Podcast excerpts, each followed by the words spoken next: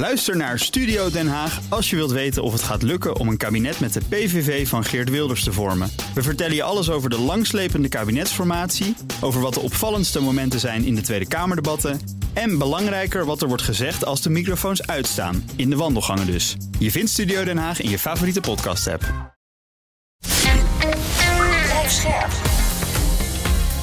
BNR Nieuwsradio. Boekenstein en de Wijk.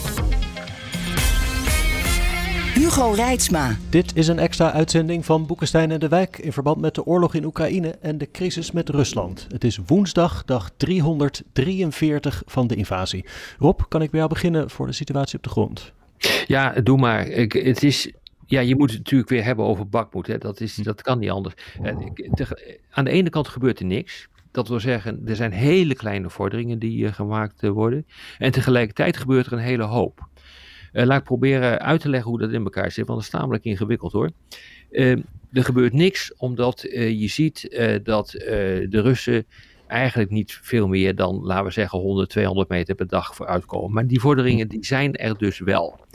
tegelijkertijd zie je dat Oekraïne er steeds minder goed in slaagt om de verdediging overeind te houden. Hm. Er wordt ook nu nagedacht over de vraag of er niet een moment moet komen uh, dat Oekraïne zegt, nou is het wel welletjes en nu gaan we ons tactisch terugtrekken om een nog grotere slagpartij te voorkomen. Want je kunt ook een te hoge prijs betalen voor het uh, in bezit uh, krijgen, houden van, van. Ja. Maar als dat gebeurt, dan is er wel een volgend probleem. je ziet dus nu al dat wat de Russen aan het doen zijn, de, de aanvoerwegen naar Bakhmut, waar de Oekraïners gebruik van maken, binnen het bereik van de Russische tanks liggen. Uh, dus dat is een groot probleem. En dat zou wel eens een keer ertoe kunnen leiden dat de Oekraïners zeggen van nou, misschien maar even nu rust bij de stukken, echt letterlijk, mm -hmm. en, en terugtrekken. maar wat er dan gebeurt als Bakmoed valt, ja, dan liggen natuurlijk de zuidelijke aanvoerroutes van Oekraïne die liggen ja, die, die, die kunnen niet meer worden gebruikt. En dan is er nog maar één uh, westelijke route die ze wel kunnen gebruiken, ook in de richting van Bakboet. Dus hm. daar zit echt een geweldig uh, probleem in. En het is niet zo, uh, zeggen veel van onze collega's, dat er dan een situatie ontstaat. dat de hele Donbass in één klap kan worden ingenomen. Hm. uiteindelijk zou dat wel kunnen. Maar dat heeft dan weer te maken met de hele discussie die op dit moment gaande is over de troepen reallocaties die plaatsvinden. Dus wat we nu zien is dat Wagner-eenheden die gaan uit Bakmoed, hè, die zijn behoorlijk ja. gesloopt, mhm. die ja. worden ingezet in het zuiden, onder andere bij, in de richting van Gerson. Uh, Russische troepen worden ingezet, dat zijn verse troepen, hè, dat is ook niet fijn voor uh, Oekraïne. Mm. Uh, dus je ziet nu op dit ogenblik dat uh, de Russen zich aan het herpositioneren zijn. Het is niet helemaal duidelijk uh, wat daar precies achter zit. Maar tegelijkertijd moet je constateren dat dit wel in algemene zin wordt gezien als een soort opmaat uh, naar een grootschalig offensief. Ja, weet je, ik zat vanmorgen in de auto naar mijn werken. En dan luisterde ik naar de BBC. En er waren allemaal oorlogscorrespondenten bij Bakhmut. Die, uh, en die vertelden het volgende verhaal. En dat zeg ik nu mm. ook even in de podcast. Ze vertelden van uh, aan beide kanten, zowel bij de Oekraïners als bij de Russen, worden de beste troepen worden teruggehaald en de minder goede troepen vechten nog. Ja. En, die, en die beste troepen die worden getraind en die worden uitgerust voor een offensief. Ja. Dat is, en dat hebben ze ook gehoord van de soldaten ter plekke, dat het zo in elkaar zit. Hè? Ja. En wat ze ook nog zeggen, dat zeiden ze gisteren overigens, dat er dus airborne troepen van Gerson zijn weggehaald natuurlijk. Hè? En dat die in Bach worden ingezet. Zeker, maar dat, ja. Maar, en dat is een beetje wat ze vertellen. Maar met andere woorden, dit zijn dus bewijzen voor dat er een offensief zit aan te komen. En we hebben zelf al de logische uh, gevolgtrekking gemaakt van luister eens, voordat de tanks komen. Polen zegt dat ze in zes weken, zeven weken mensen kunnen opleiden. Of het waar is, weet ik niet. Dan heeft natuurlijk Rusland alle reden om nu echt uh, door te pakken. Ja, en even misschien wat cijfertjes. Uh, volgens de Oekraïners vechten er nu uh, 326.000 Russen in Oekraïne. Ja. Uh, de, dat is exclusief die 150.000 waar we het vaker over hebben gehad. Dat zijn die troepen die nog afkomstig zijn uit de mobilisatie van september, toen zijn er 300.000 mannen gemobiliseerd. 150.000 zijn daar niet van, worden, niet, niet van ingezet en die worden nu kennelijk redelijk getraind. Dus die hmm. moet je wel even bij dit aantal optellen. Mm dus je komt redelijk dicht in de buurt van, van de half miljoen. Uh, mogelijkwijs komt er ook nog een nieuwe mobilisatie. En ik schrik toch wel van die cijfers hoor. Uh, het zou dus heel goed kunnen zijn dat er gewoon nog enkele honderdduizenden bij komen. Dan ontstaat er wel een mhm. probleem. En wat je dus ook ziet, is dat de nieuwe cijfers uh, bekend zijn gemaakt over het aantal mensen dat gesneuveld dan gewond is. Dus in ieder geval niet meer kunnen vechten. Dat is eigenlijk aan elke kant 200.000. Dus dat zijn echt magistrale ver, verlies hoor. Echt verschrikkelijk. Rusland heeft meer doden uh, dan Oekraïne. Dus die heeft, uh, de Oekraïne heeft meer gewonden, om het maar zo te zeggen. Mhm. Volgens Oekraïne zelf zijn er 127.000 uh, Russen omgekomen. Hmm. Ja. Ik las in de New York Times dat het niveau van de Russische artilleriebeschietingen terug is op het niveau van september, nadat het uh, flink was gedaald. En uh, Danilov, die secretaris van de Veiligheidsraad van Oekraïne, die zegt dat Rusland zich voorbereidt op maximale escalatie en dat hij niks uitsluit in de komende twee of drie weken, dus heel snel al. Zou je hier eigenlijk misschien kunnen spreken van ja, de, de openingszetten van het Russische lenteoffensief? Ja, en, en volgens mij is er ook een relatie tussen uh, de aanvoer van uh, nieuwe wapensystemen van, uh, vanuit het Westen. Kijk, wat je niet wil, is dat je geconfronteerd wordt, als Rus althans, uh, met, uh, uh, met die nieuwe wapensystemen, die aanvoer van die tanks. Hè, dat gaat nogal een paar weken op zich wachten. Of dat er die nieuwe small diameter um, meterbom mm wordt, wordt ingezet. Dat soort wapensystemen, kunnen we straks nog even over praten. Um, ik heb het gevoel dat ze nu even gebruik maken van de situatie. ja, Oekraïne is moe. ze hebben nog steeds verse troepen die ze kunnen inzetten. maar de bewapening is ook nog niet op orde. En dit verklaart natuurlijk ook waarom uh, Zelensky zegt, nou de, de zaak is wel behoorlijk kritiek hoor aan het Oostfront. En, en weet je, de BBC vertelde dus ook nog dat de Oekraïners minder goed in staat zijn om die munitie met, van de Russen uh, met HIMARS uit te schakelen. Omdat de Russen het gewoon veel verder nu opslaan. Hmm. En van hun fouten leren. En wat ik helemaal deprimerend vind, is ook de New York Times uh, heb ik gelezen, net zoals Hugo dat net deed. Hè. De, Oekraïners maken nu scenario's hè, en het is duidelijk dat er gewoon een nieuw front aankomt. En dat kan dus zomaar zijn in het Noordoosten, zelfs in Kharkiv. Hè, moet je je voorstellen, Kharkiv hebben de Oekraïners met grote strijd uh, terugveroverd. En dat zou dus zomaar weer kunnen vallen. Je moet er toch niet aan denken, jongens. Je moet er toch niet aan denken. Als we dan even kijken naar de, de kracht van Rusland aan de vooravond van dat verwachte nieuwe offensief, dan zien we ook uh, nieuwe gegevens over de economische kracht, die er natuurlijk achter moet, uh, moet liggen. Uh, IMF, hoe heet het ook alweer? De Country Report. Ik vond dat echt heel interessant, Hugo. Ik heb daar bij wijze van spreken naar uit zitten kijken. Ik ben nou niet echt een econoom, maar dit, de, de inschatting van het IMF lees ik dan wel. Kijk, eh, als je gewoon naar de wereldeconomie uh, kijkt, dan, uh, ja, dan vertraagt het allemaal. maar het gaat eigenlijk nog beter dan verwacht. Derde kwartaal bleek eigenlijk de wereldeconomie redelijk weerbaar. maar wat echt interessant is, dat is de groeicijfers, de prognoses voor de komende tijd. Hmm. voor de Europese Unie wordt een groei voorspeld van 0,7 procent. Hmm.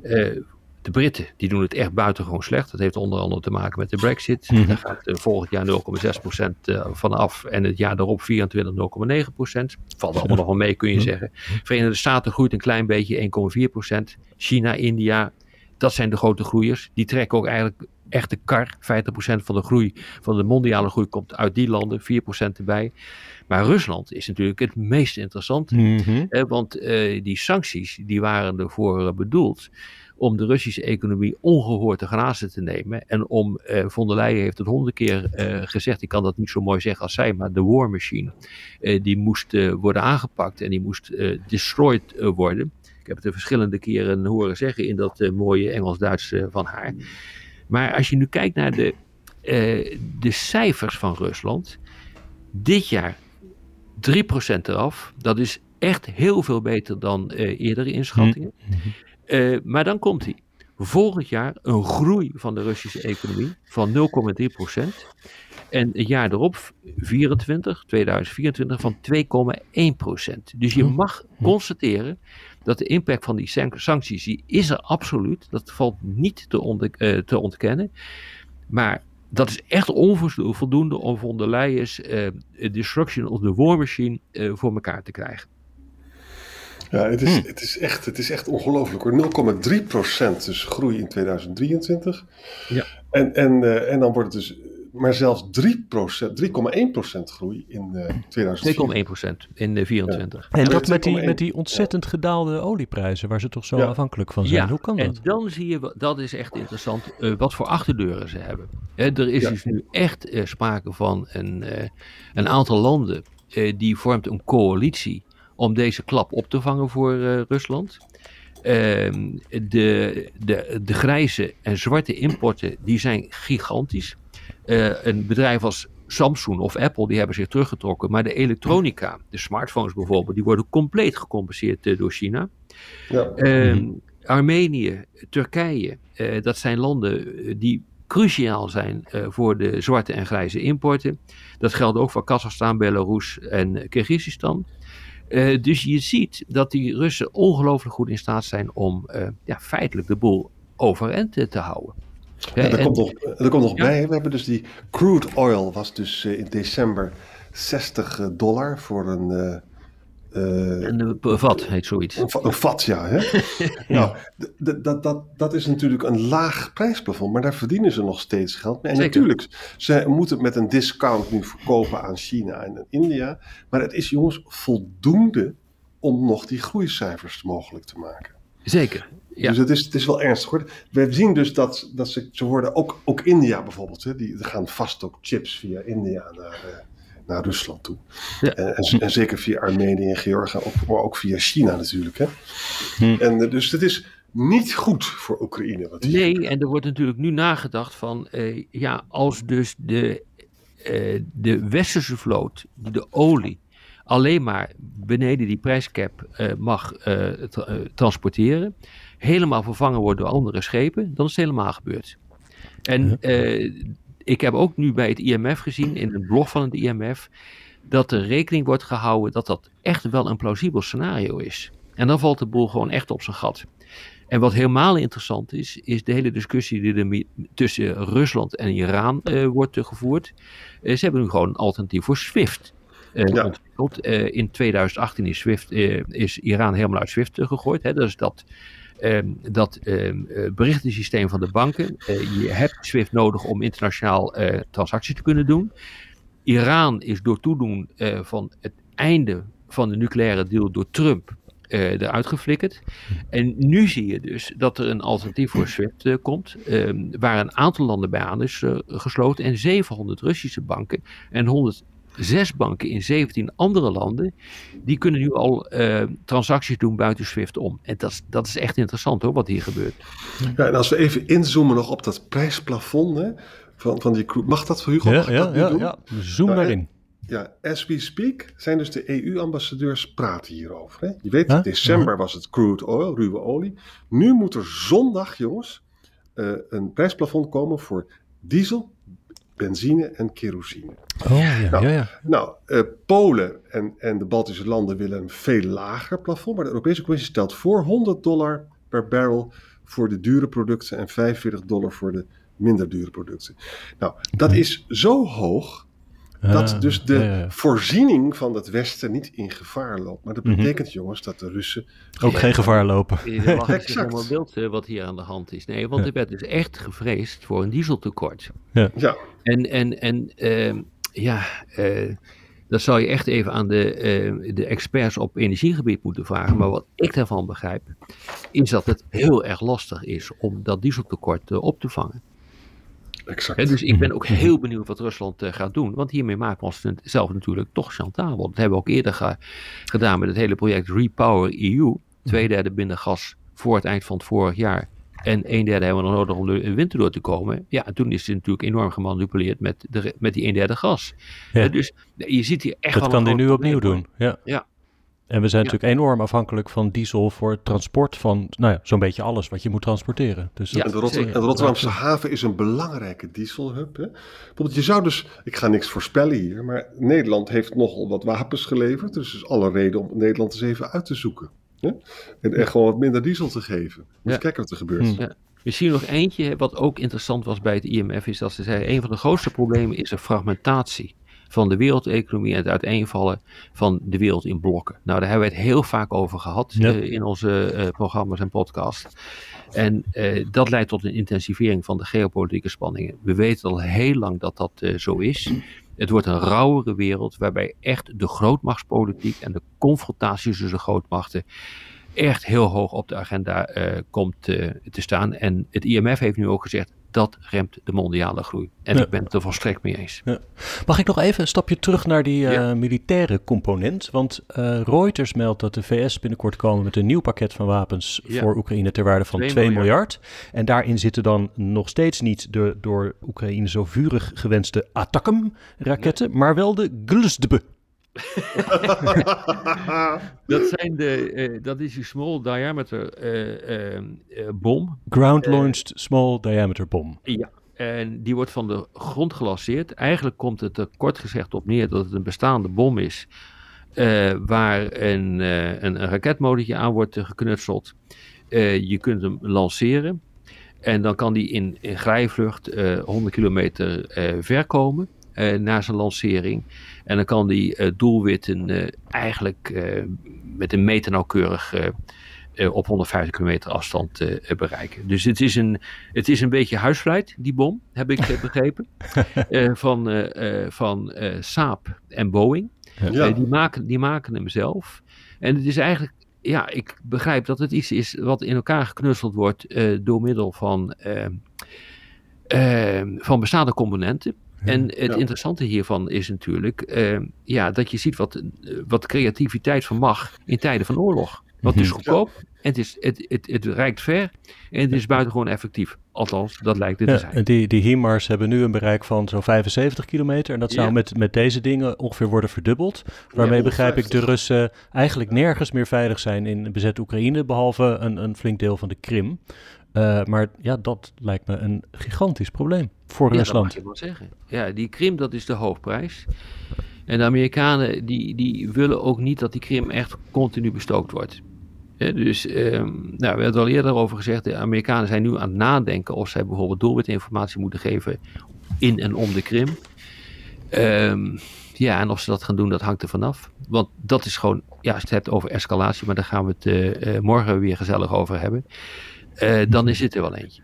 Ja. En de Amerikanen zijn buitengewoon beducht hierover. En en die vliegtuig moeten we misschien even kort samenvatten. Biden wil niet. Hè? Engeland Nee. wil ook niet. Frankrijk denkt na. Eh, Nederland is loslippig, laat het zo maar zeggen. Ja.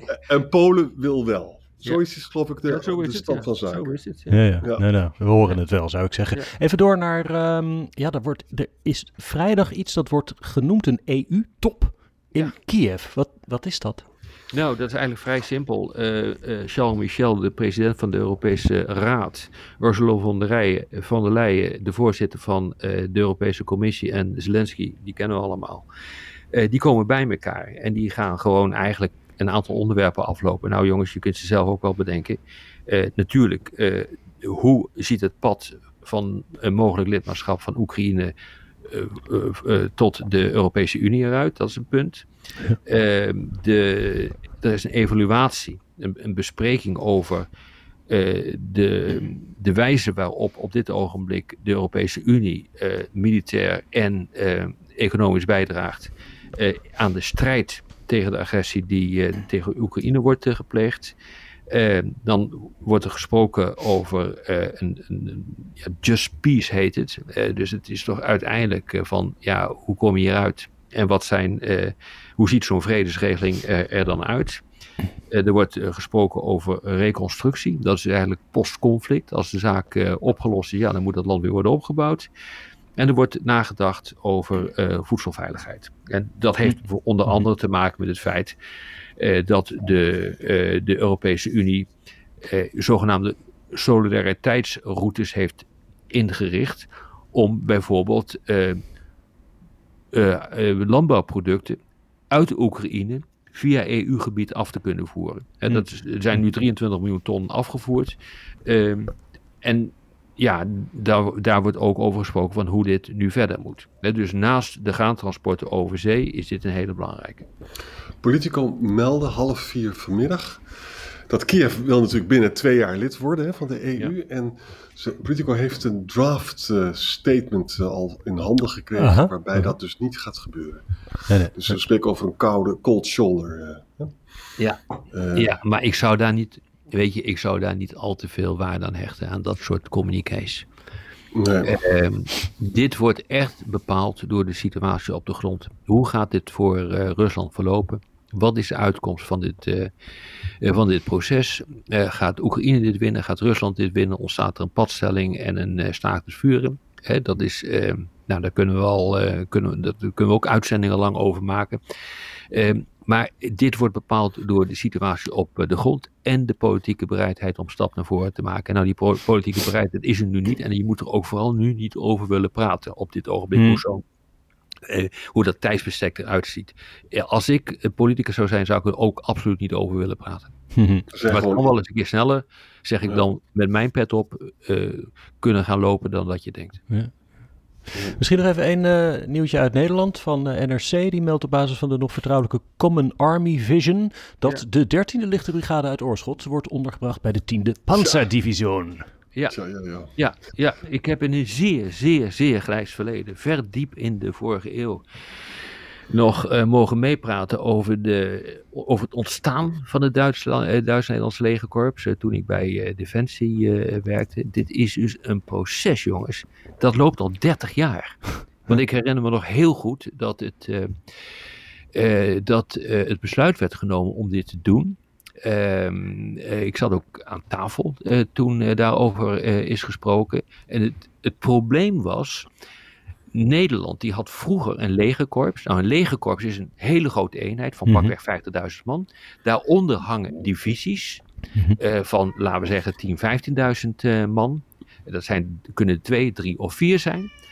Nederland heeft zo geschrapt in zijn defensie dat er nog maar één divisie over was eigenlijk een, hele kleine divisie, geloof ik. Hè? Drie, vier, ja, drie, vier brigades in die tijd. Ja. Duitsland had een brigade over en kon geen legerkorps vormen. Wij konden het ook niet. Uh, toen hebben de hoogste militairen die zijn bij elkaar geweest. Dat was buitengewoon kostelijk. Dat is gebeurd op vliegveld Valkenburg. Dat is nu, wordt nu een woningbouwlocatie. Ja. en binnen tien minuten hadden ze besloten tot de oprichting van het Duits-Nederlandse legerkorps. Ehm, en dat had gewoon te maken met het feit dat die, die divisie moet ergens worden opgehangen. Uh, het, je moet ook de ervaring houden, net zoals de ervaring die je moet houden met het inzetten van tanks, mhm. om een grote eenheid zoals een legerkorps te kunnen commanderen. En die samenwerking, uh, die werd toen ook gezien als iets van heel erg veelbelovend, maar het heeft dus 30 jaar geduurd, ja. onvoorstelbaar, dat je dus nu een situatie krijgt waarin je eigenlijk een complete integratie krijgt van de Nederlandse eenheden in de, uh, in de Duitse eenheden. Dus je hebt nu drie divisies en in elke divisie zit nu een Nederlands, uh, uh, Nederlandse brigade. En nu kun je dus gebruik maken van elkaars logistiek, elkaars commandoprocedures. Je kan op termijn kan je gezamenlijk kun je kun je wapens gaan aanschaffen. Dus de interoperabiliteit, zoals we dat noemen, wordt mhm. veel beter. Je staven, die kun je gezamenlijk uh, bemannen. Dus het is veel en veel effectiever. En het allerbelangrijkste vind ik, in de nieuwe uh, situatie waarin we nu zitten, heb je weer die hele grote eenheden nodig om het gevecht te kunnen voeren. Ja, we hebben de zaak afgebroken de afgelopen jaren naar eigenlijk bataljons. Dat zijn eigenlijk kleine eenheden die weer in de brigade zitten, als je me nog kan volgen. Ja, ja. Uh, maar uh, met die kleine Die kan je dan, naar Afghanistan ook, sturen Ja, dan lopen nu ook de Russen tegenaan. Dan kan je gewoon niet een grote oorlog voeren. Dat moet je mhm. met die hele grote eenheden uh, doen. Mhm. Dus in die zin vind ik dat wel een logische, logische zaak die er is. Uh, um, dat, dat dit nu gebeurt. Ja, nu heb je natuurlijk allerlei politieke problemen nog. Hoe zet je dan in? Hoe zet je dan uh, de besluitvorming in om te komen tot de daadwerkelijke inzet van dat soort mm eenheden? Heeft Nederland straks nog zeggenschap over de eigen koninklijke landmacht? Dat is natuurlijk een belangrijke vraag. Hè? Ja, altijd. En dan, dat heb je wel. Nou, we, we, kunnen dus over het inzetten voor missies in het buitenland, zoals in Afghanistan, maar dat doen we nog zelf. Maar weet je, de soevereiniteit is ook beperkt. Hè? Want die intensieve samenwerking met de Duitsers, die schept natuurlijk verplichtingen. Ja. Het betekent dat er meer met elkaar moet worden afgestemd. En met het integreren van die legereenheden levert Nederland ook gewoon beslissingsmacht in. Kijk, als artikel 5 uh, wordt uh, ingeroepen, hè, dan moeten we gewoon met z'n tweetjes. Moet je, moet je maar dat geldt dan voor alle NAVO-landen, Arendt Ja. Dat is natuurlijk zo, maar het, dit laat onverlet Ja. dat als Nederland eh, denkt van nou, ik eh, pak er even toch een, eh, een eh, bataljon uit of misschien ook wel eh, iets kleiner of iets groters. Eh, en dat zet ik in, eh, bijvoorbeeld, ik noem maar wat, in Noord-Afrika, omdat ik even vind dat dat nodig is. Dat, dat kan wel in deze situatie. Ja. Maar er moet wel een, eh, er moet wel een, een afspraak zijn dat wanneer artikel 5 van toepassing is, dat dat altijd voorgaat. Ja, ja. ja. Ja. Nee, maar het is dus echt eh, terug naar de Koude Oorlogstijd. Ook hier eh, terug naar de tijd van divisies en legerkorpsen. Ja, maar het is wel uniek wat hier gebeurt. Absoluut Echt hoor. uniek. Ze gaan Eh, werken met hetzelfde al- Wat we 30 jaar geleden deden was al uniek. Maar dit is helemaal uniek. Dat je dus echt gewoon een, eh, een, een, een, een binationale ja, eh, eenheid hebt. Dat is echt nog nooit vertoond in de wereld. en je gaat werken met hetzelfde materieel. Je gaat vechten met Dat kan. dezelfde procedures. Ja, Ook de wet en regelgeving wordt Ja. gelijk getrokken. Ja. ja, en dat, dat betekent dat die Duitse, Nederlandse divisies zijn eigenlijk ook een impuls voor nog verdere integratie. Want je kunt natuurlijk ook met andere landen, Ja. kan je dat nog doen, hè? Als je nou echt Ja. gewoon heel wild denkt, dan zou je kunnen zeggen: dit is het model voor een Europees leger. Exact. Hm. Dat, dit is gewoon letterlijk het model van een Europees eh, leger. Eh, Maar dat moet, betekent alleen dat eigenlijk alle Europese Unielanden of alle NAVO-landen eh, in Europa, eh, die, die moeten zich hierbij aansluiten. En je moet meer van dit soort legerkorsen maken. Hè, dus Ja. dit groeit van onderaf aan. Ja. Hè, dit is echt gewoon ook het besluit waar, eh, eh, eh, waar ik zelf, eh, wat ik zelf heb gezien, hoe dat ontstaan is. eh 30 jaar geleden, ik durf het bijna niet te zeggen jongens. Eh, dat was echt een besluit van onderaf aan. Niet politiek opgelegd. Gewoon uit nood geboren omdat we niet anders konden. En dit ook. En plannen voor het samenvoegen van de landmachtstaven in Utrecht en ook Schouwsberg zijn er nog niet. Maar zelfs dat wordt op de Kwamhoutkazerne, hier vlakbij waar ik zit, niet, eh, wordt, dat niet, wordt op termijn niet uitgesloten. Mhm. Dus het is, wel, het is echt wel in- indrukwekkend hoor. Het, is wel, eh, het is wel redelijk historisch hoor, dit wat hier ja, eh, gebeurt. echt, Ja. ja. Ja. echt. Mooi. Eh, dank weer voor vandaag. En Ja. wij spreken morgen verder. Tot morgen. Tot morgen. Ook Hugo Reitsma vind je in de BNR-app. Superhandig die BNR-app. Je kunt alle programma's live luisteren, breaking nieuwsmeldingen. Je blijft op de hoogte van het laatste zakelijke nieuws. En je vindt er alle BNR-podcasts, waaronder natuurlijk de belangrijkste, Boekenstein en de Wijk. Download nu de gratis BNR-app en blijf scherp.